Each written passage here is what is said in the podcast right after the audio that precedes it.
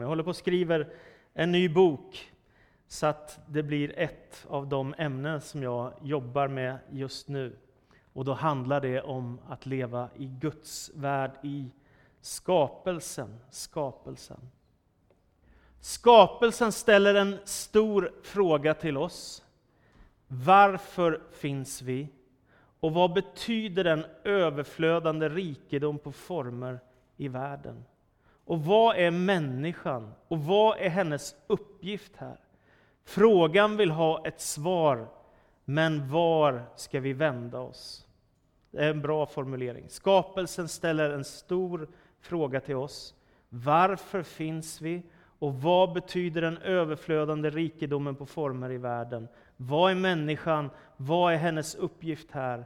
Frågan vill ha ett svar, men var ska vi vända oss? I min barndom och sommardagarna så minns jag särskilt Stockholms skärgård. Det tror jag har berättat någon gång förut. Min mamma och pappa tog med oss varje sommar till Tynningö i Stockholms skärgård, som ligger ganska nära Vaxholm, där min farbror och faster hade sitt sommarhus. Och vi njöt av att vara där. Helt fantastisk natur och en av mina bästa barndomsvänner fanns där också på den här ön. Det var något med skärgårdsnaturen som jag blev alldeles förälskad i. Jag har ju varit på många andra platser också, men just skärgården, det är något av det vackraste jag vet. Och jag har ett slags heligt minne från att jag var kanske fem sex år gammal bara. Jag gick ut ifrån huset, sommarhuset som min farbror och faster hade, och så gick jag ner längs för grässluttningen, ner till havet, och så satte jag mig vid bryggan där.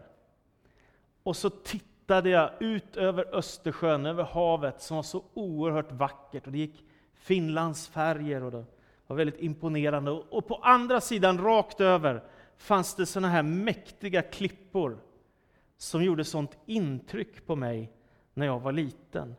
Det var som om de alltid hade existerat. Och så minns jag i något dramatiskt ögonblick, jag tror att det var första gången jag anade Gud som litet barn. I den här karga och vackra naturen vid det spegelblanka havet så uppstod en slags hemkänsla. Någonting med Gud, att här finns en större verklighet. Det här kan inte ha kommit till av sig själv. Allt det sköna, vackra jag ser här måste ha ett ursprung. Och där någonstans, som liten, så har jag en helig upplevelse och jag anar Gud och hans närvaro. Kanske längtade jag som barn till Gud redan då, vem vet? Jag har i alla fall märkt av den händelsen, den bär jag inom mig, fast det har gått mer än 40 år sedan dess. Låt mig ta med dig på en upplevelse till. För drygt tio år sedan var vi på resa genom Europa. Vi satte oss i bilen tillsammans med min svåger och hans familj, varsin bil, och körde från Sverige ner mot Tyskland och vidare in i Österrike. Och jag har ett roligt minne först. Det roliga minnet var att vi kom in i alpområdena, vet ni. det är ju så oerhört mäktiga berg. Och så kör vi på en av E, ja, vilken är det nu då? E, jag har glömt vilken det är, en Europaväg. Och på båda sidor om vägen så är det mäktiga höga berg. Och min dotter, som då var fem år, hade somnat i Tyskland. Hon vaknar i Österrike och så tittar hon upp och så säger hon Pappa, det ser ut som Vista Kulle”. Eh, det var hennes referensvärld. Vi hade varit några gånger där i hennes barndom, då, ligger utanför Jönköping, en liten kulle. Så är det. De här var lite mäktigare. så. I alla fall så körde vi ner mot Innsbruck i Österrike. Och när vi kom fram till stan så tänkte vi här stannar vi väl och sover och så körde vi runt lite i stan. Men vi hittade inget bra, så vi fortsatte vidare. Och så körde vi söderut eh, mot, förbi Innsbruck, ner mot Italien och så tog vi av och körde upp i Alperna. Och så hittade vi en plats vi kunde bo på där. Och så åt vi tillsammans, vi gick och la oss och så sov vi. Och jag vaknade tidigt i gryningen, först av alla.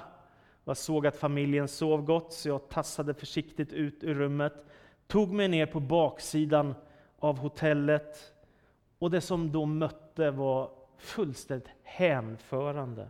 Det här var tidigt på morgonen.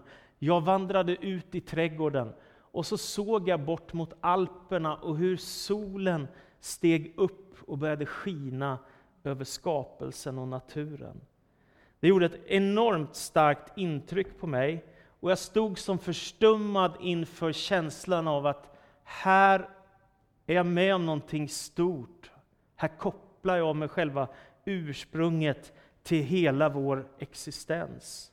Och så var jag fångad av den skönhet som omgav mig när solen steg över Alperna och bergsmassiven. Så oerhört starkt natursceneri. Och det enda jag tänkte på i det ögonblicket det var att jag ville falla ner på knä, jag ville gråta, jag ville bara tacka Gud. Tänk att jag lever här, tänk att jag får vara med om det här. Tänk att jag, lilla människa, få se detta gudomligt vackra. Och jag tänker på den som håller hela skapelsen i sin hand. En av mina favoriter, han heter Ulf Kristiansson, han har jag lyssnat mycket på. Han hade ett band som hette Jerusalem. Men han har också spelat in en gammal sång av Theofil Engström, som har en jättefin vers och refräng. Och den är så här.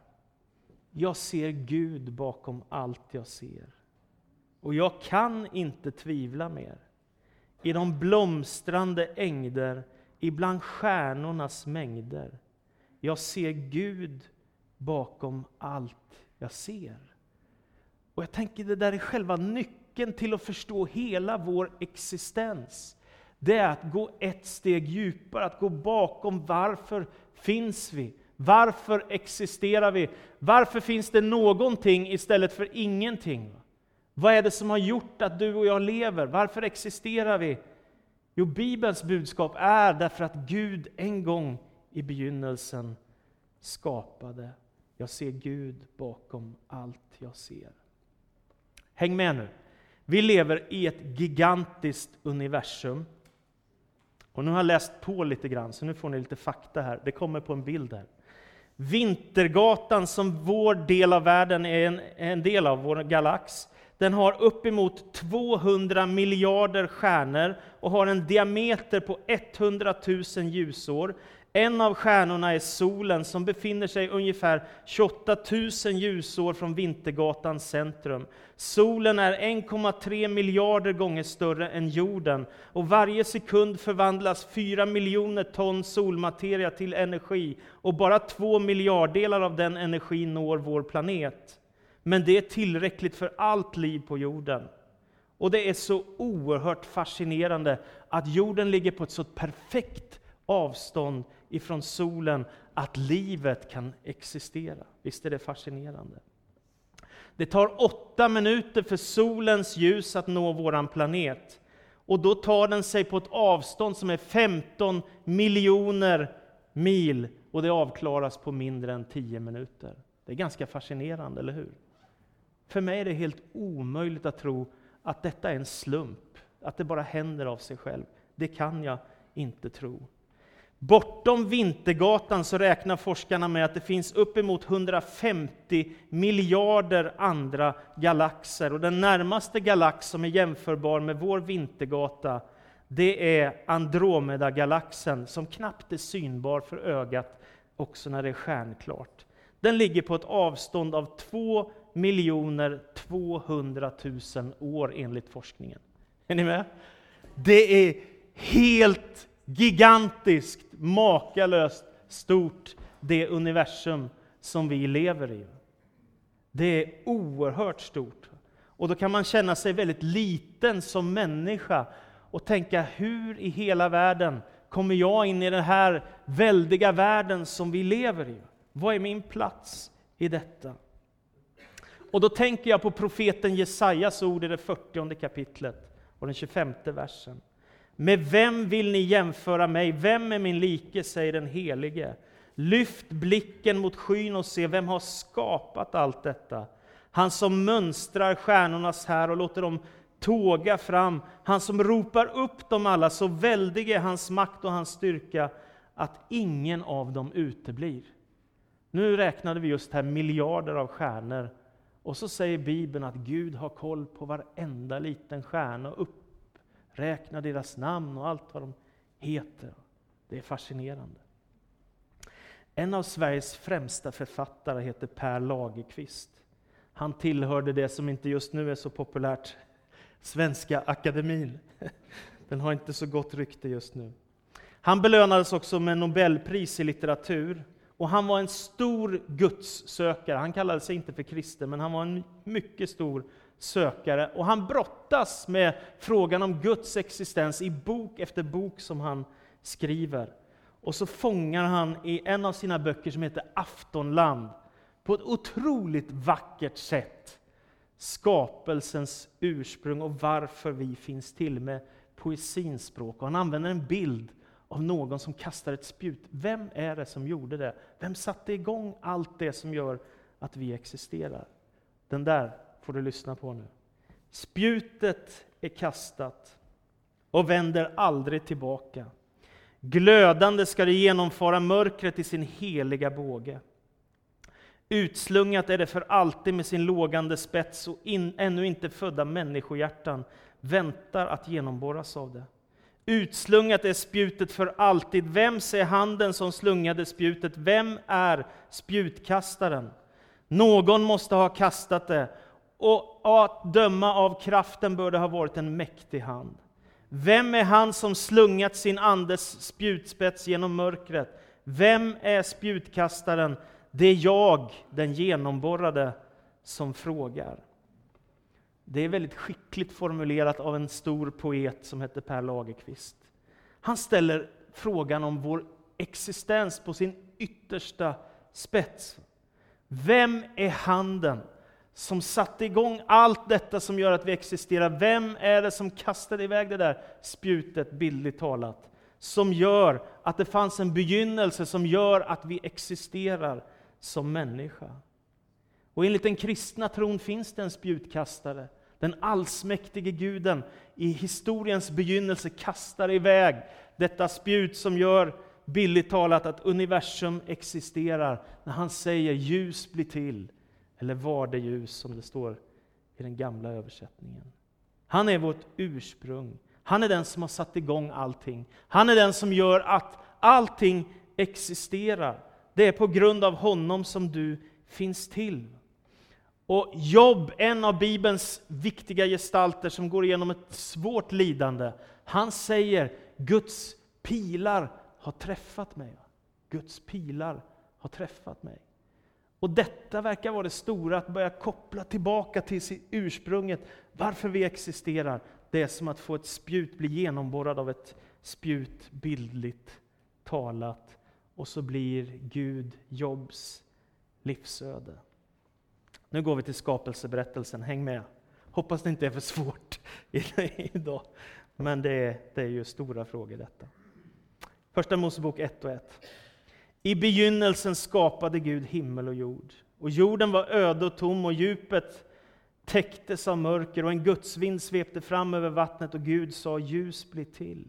Och ljuset blev till och Gud såg att ljuset var gott och han skilde ljuset från mörkret. Och Gud kallade ljuset dag och mörkret kallade han natt. Det blev kväll och det blev morgon, det var den första dagen. Gud sa, i vattnet ska ett valv bli till och det ska skilja vatten från vatten. Och det blev så. Gud gjorde valvet och han skilde vattnet under valvet från vattnet ovanför valvet. Och Gud kallade valvet himmel. Och det blev kväll och det blev morgon och det var den andra dagen. Gud sa, vattnet under himlen ska samlas till en enda plats så att land blir synligt, och det blev så. Gud kallade det torra landet jord och vattenmassan kallade han hav. Och Gud såg att det var gott. Och Gud sa, jorden ska ge grönska, fröbörande örter och olika arter av fruktträd med frö i sin frukt ska växa på jorden. Och det blev så. Jorden frambringade grönska, olika arter av fröbärande örter och med olika arter av träd med frö i sin frukt. Och Gud såg att det var gott. Och det blev kväll och det blev morgon och det var den tredje dagen. Och Gud sa, på himlavalvet ska ljus bli till Och de ska skilja dagen från natten och utmärka högtider, dagar och år. Det ska vara ljus på himlavalvet och lysa över jorden. Och det blev så. Gud gjorde de två stora ljusen, det större ljuset för att härska över dagen och det mindre för att härska över natten, och han gjorde stjärnorna. Han satte ljusen på himlavalvet att lysa över jorden, att härska över dag och natt, att skilja ljus från mörker. Och Gud såg att det var gott, och det blev kväll och det blev morgon, och det var den fjärde dagen. Gud sa, vattnet ska vimla av levande varelser och fåglar ska flyga över jorden under himlavalvet. Och Gud skapade den stora havsdjuren och av olika arter och levande varelser som vatten myllrar och vimlar av och alla olika arter av fåglar. Och Gud såg att det var gott, och Gud välsignade dem och sa, var fruktsamma och föröka er, uppfyll alla sjöar och hav, och på jorden ska fåglarna föröka sig. Det blev kväll och det blev morgon, och det var den femte dagen. Och Gud sa, ja, orden ska frambringa olika arter av levande varelser, boskap och kräldjur och vilda djur av olika arter, och det blev så. Gud gjorde de olika arterna av vilda djur, boskap och markens kräldjur, och Gud såg att det var gott. Och Gud sa, vi ska göra människor som är vår avbild lika oss. De ska härska över jordens fiskar, himlens fåglar, boskapen, alla vilda djur och kräldjur som finns på jorden. Och Gud skapade människan till sin avbild, till Guds avbild skapade han henne. Som man och kvinna skapade han dem. Gud välsignade dem och sa till dem, var fruktsamma och föröka er, Uppfyll jorden och lägg den under er. Härska över havets fiskar och himlens fåglar, över alla djur som myllrar på jorden. Gud sa, jag ska ge er alla för, fröbärande örter på hela jorden, alla träd med frö i sin frukt, det ska ni ha att äta. Åt markens djur, åt himlens fåglar, åt dem som krälar på jorden, allt som har liv i sig, ger jag alla gröna örter att äta. Och det blev så. Gud såg att allt som han hade gjort var mycket gott, och det blev kväll och det blev morgon och det var den sjätte dagen. Så fullbordades himlen och jorden, och allt vad där finns. Den sjunde dagen hade Gud fullbordat sitt verk, och han vilade på den sjunde dagen efter allt han hade gjort. Gud välsignade den sjunde dagen och gjorde den till en helig dag, ty på den dagen vilade Gud sedan han utfört sitt skapelseverk. Detta är berättelsen om hur himmel och jord skapades. Bibeln inleds majestätiskt. Redan i den första versen så ställs Gud i centrum. Allting står i relation till Gud. Allting är beroende för sin existens av Gud. Gud finns före allting och existerar i evighet. Som någon ställer frågan till dig, ja du tror på Gud, men vem har skapat Gud? När du har missförstått frågan. Gud är inte en del av skapelsen. Han är skaparen, den som står utanför allting, som gör att livet kan existera. Han är av helt annan karaktär. Han har existerat i evigheternas evighet. Han har ingen början och han har inget slut. Det är denne Gud som vi tror på och ur hans hand och genom hans ord så skapas världen. Och tonvikten i skapelseberättelsen är ju faktiskt på Gud, inte på allt som skapas bara, utan på Gud. Mer än 30 gånger står det Gud skapade, Gud sa, Gud såg. Det är en fantastisk skildring och jag tänker att syftet med hela den här berättelsen, det är att säga att Gud har skapat oss för gemenskap med sig själv. Och när allt är färdigt så avskiljer han en sjunde dag, som ska vara en helig dag, när vi söker Gud och när vi ärar honom. Sabbaten, det judiska folkets heliga dag, har sitt ursprung i denna skapelse, vila, att vi söker efter Gud, att vi lovsjunger honom. Och det är därför nästan alla texter i resten av Bibeln som handlar om universums ursprung och skapelsen, det är lovsånger. Till exempel Uppenbarelseboken 4 och 11. Du, vår Herre och Gud, är värdig att ta emot härligheten och äran och makten, ty du har skapat världen och genom din vilja blev den till.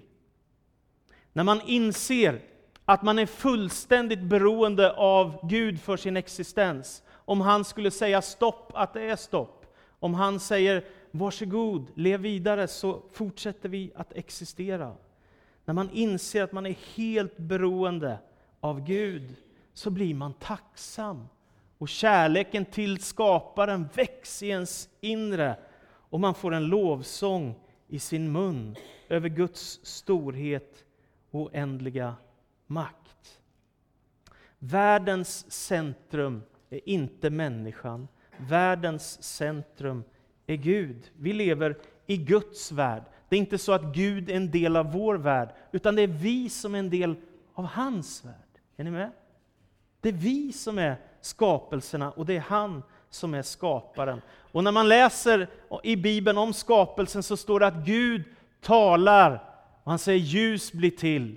Och sen står det att Kristus är ordet som, som är med och förmedlar denna skapelse. Så står det att anden svävar över vattnet. Så Fadern, Sonen och Anden ligger bakom denna enorma skapelse som vi är en del av och som gör att vi existerar här som människor. Min andlige far, som jag har citerat så många gånger, Hans Johansson, han sa i en predikan så här. Livet kommer från Gud. Utan Gud inget liv. Här blir det tydligt att tänker vi fel om Gud så tänker vi fel om allting i princip.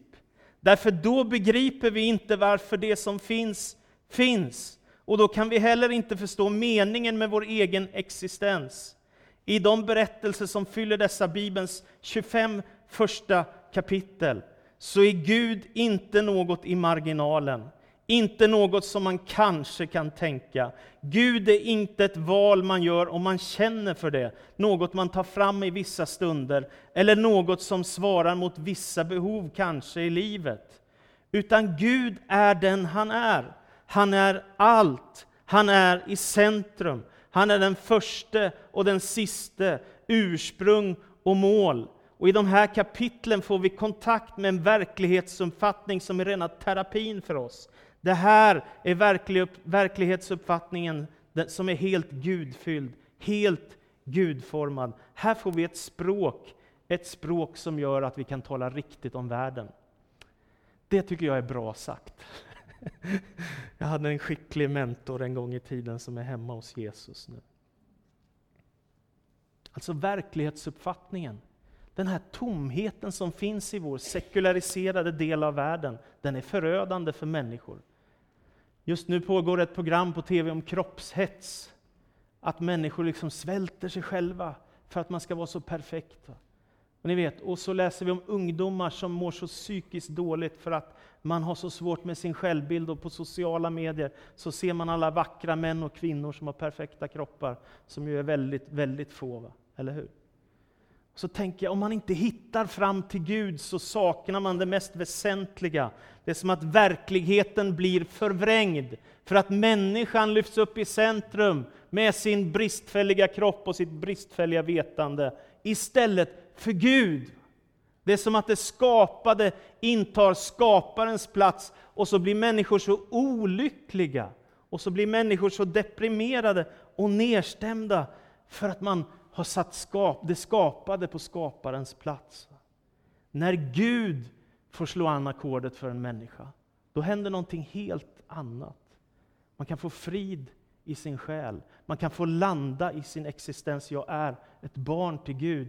Jag existerar för att Gud finns till. Och han älskar mig. Han fanns där när jag föddes. Han följer mig genom mitt liv. Och när jag ska dö så är han där och tar hand om mig också. Det skapar en identitet i en människas liv som är helt fantastisk. Och Det står att människan har skapat i Guds avbild och jag kommer tillbaka till det alldeles strax. Så Gud är ursprunget till hela skapelsen. Och det står i skapelseberättelsen att Gud skapar ur ingenting, ur intet. Det hebreiska ordet för skapa är bara, och det betyder helt enkelt att saker kommer till existens som inte förut har existerat. Gud skapar ur inget. Så mäktig är han. Hur ska man då förstå de här sex skapelsedagarna? Det har pastorer och präster och teologer och vetenskapsmän och forskare brottats med i alla tider, tror jag. Hur ska man förstå det här? Är det här en direkt skapelse på 24 timmar gånger 6? Är det så man ska fatta det här som en vecka som Gud fixar till världen på? Eller är det här en periodisk skapelse där Gud under sex långa perioder innan han kommer till sabbaten frambringar världen med sin enorma makt va, och låter långa tider gå. Kan det vara så? Ja, det kan vara så, därför att ordet dag i hebreiskan i skapelseberättelsen lika väl kan betyda tidsperiod. Så det kan lika väl vara en lång period som Gud använder sig av för att skapa. Men så har jag tänkt den här tanken som jag tycker är den bästa jag hittat hela, av alla funderingar jag kommit på och som jag har läst. Att detta helt enkelt är en judisk vecka med sabbaten som höjdpunkt och Gud ska äras. Poängen är inte att berätta hur lång tid det här tar, utan poängen är att berätta i flera olika dagar att centrum för hela världen och för hela skapelsen, det är Gud. Och det är han som ska äras och upphöjas i evigheternas evighet. Det är därför vi ska fira sabbat, det är därför vi firar gudstjänst.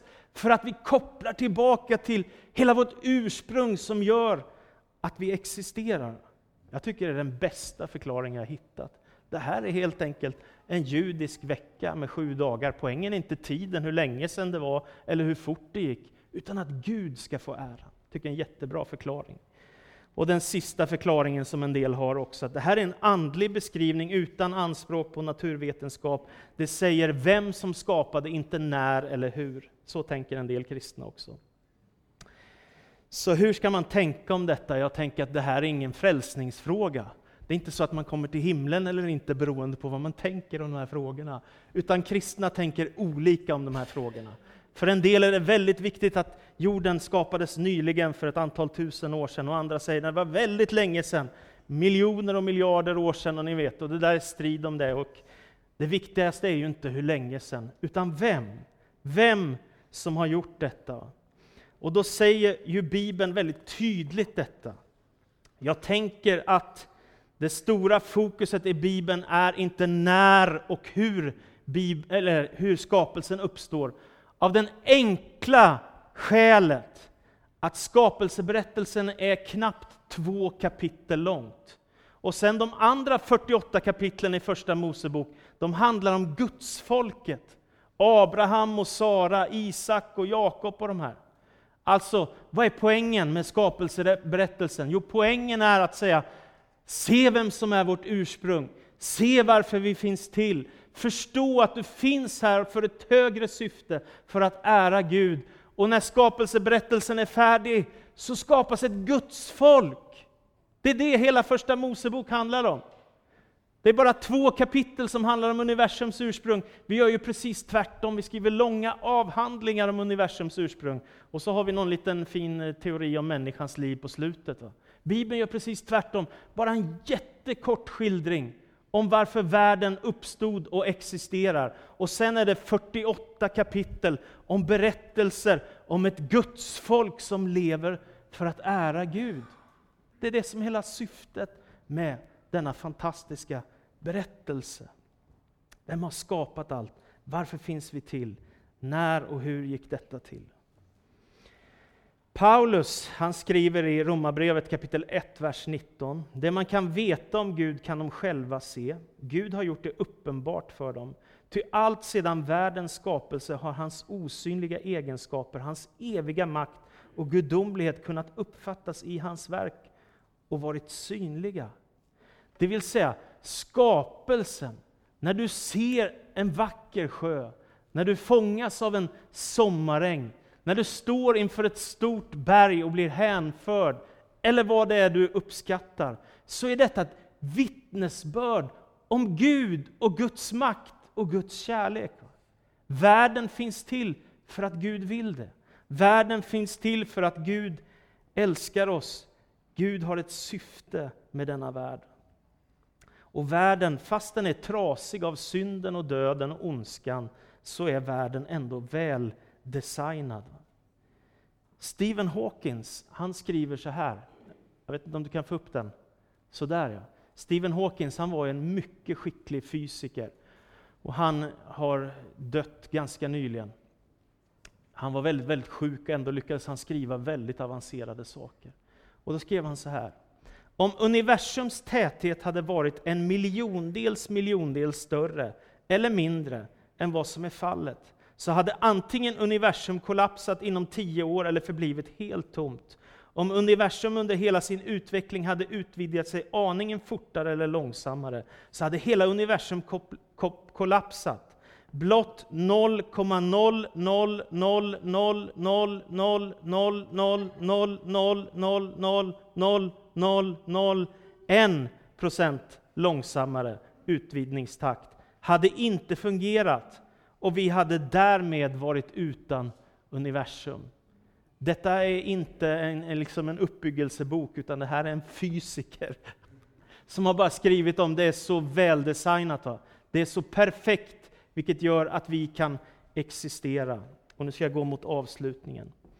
Då säger David, kung David i Saltaren, men vad är då en människa? Att du tänker på henne, Gud, om detta väldiga finns. Den här enorma världen som vi existerar i. Vad är då en människa? Att du tänker på henne. Och då säger Bibeln att människan är det finaste som finns i skapelsen. Hon är skapelsens krona. Hon är den enda som medvetet kan relatera till Gud och be till Gud och lovsjunga Gud. Du kommer inte få din hund att göra det, jag lovar. Inte din katt heller, det går inte.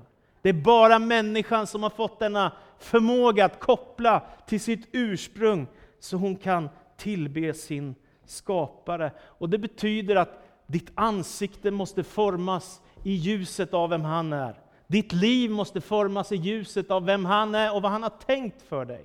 Och om du vandrar utan det så är det tomhet och idel tomhet, eller fåfängligheters fåfänglighet, säger predikaren. Människan måste koppla till sitt ursprung. Jag har sagt det förut och jag säger det igen.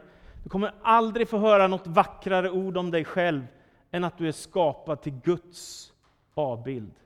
Du kommer aldrig få höra något vackrare ord. Det finns ingen som kan säga något som sätter dig på en högre platå, så att säga, än just de orden. Du är skapad till Guds avbild och Guds likhet.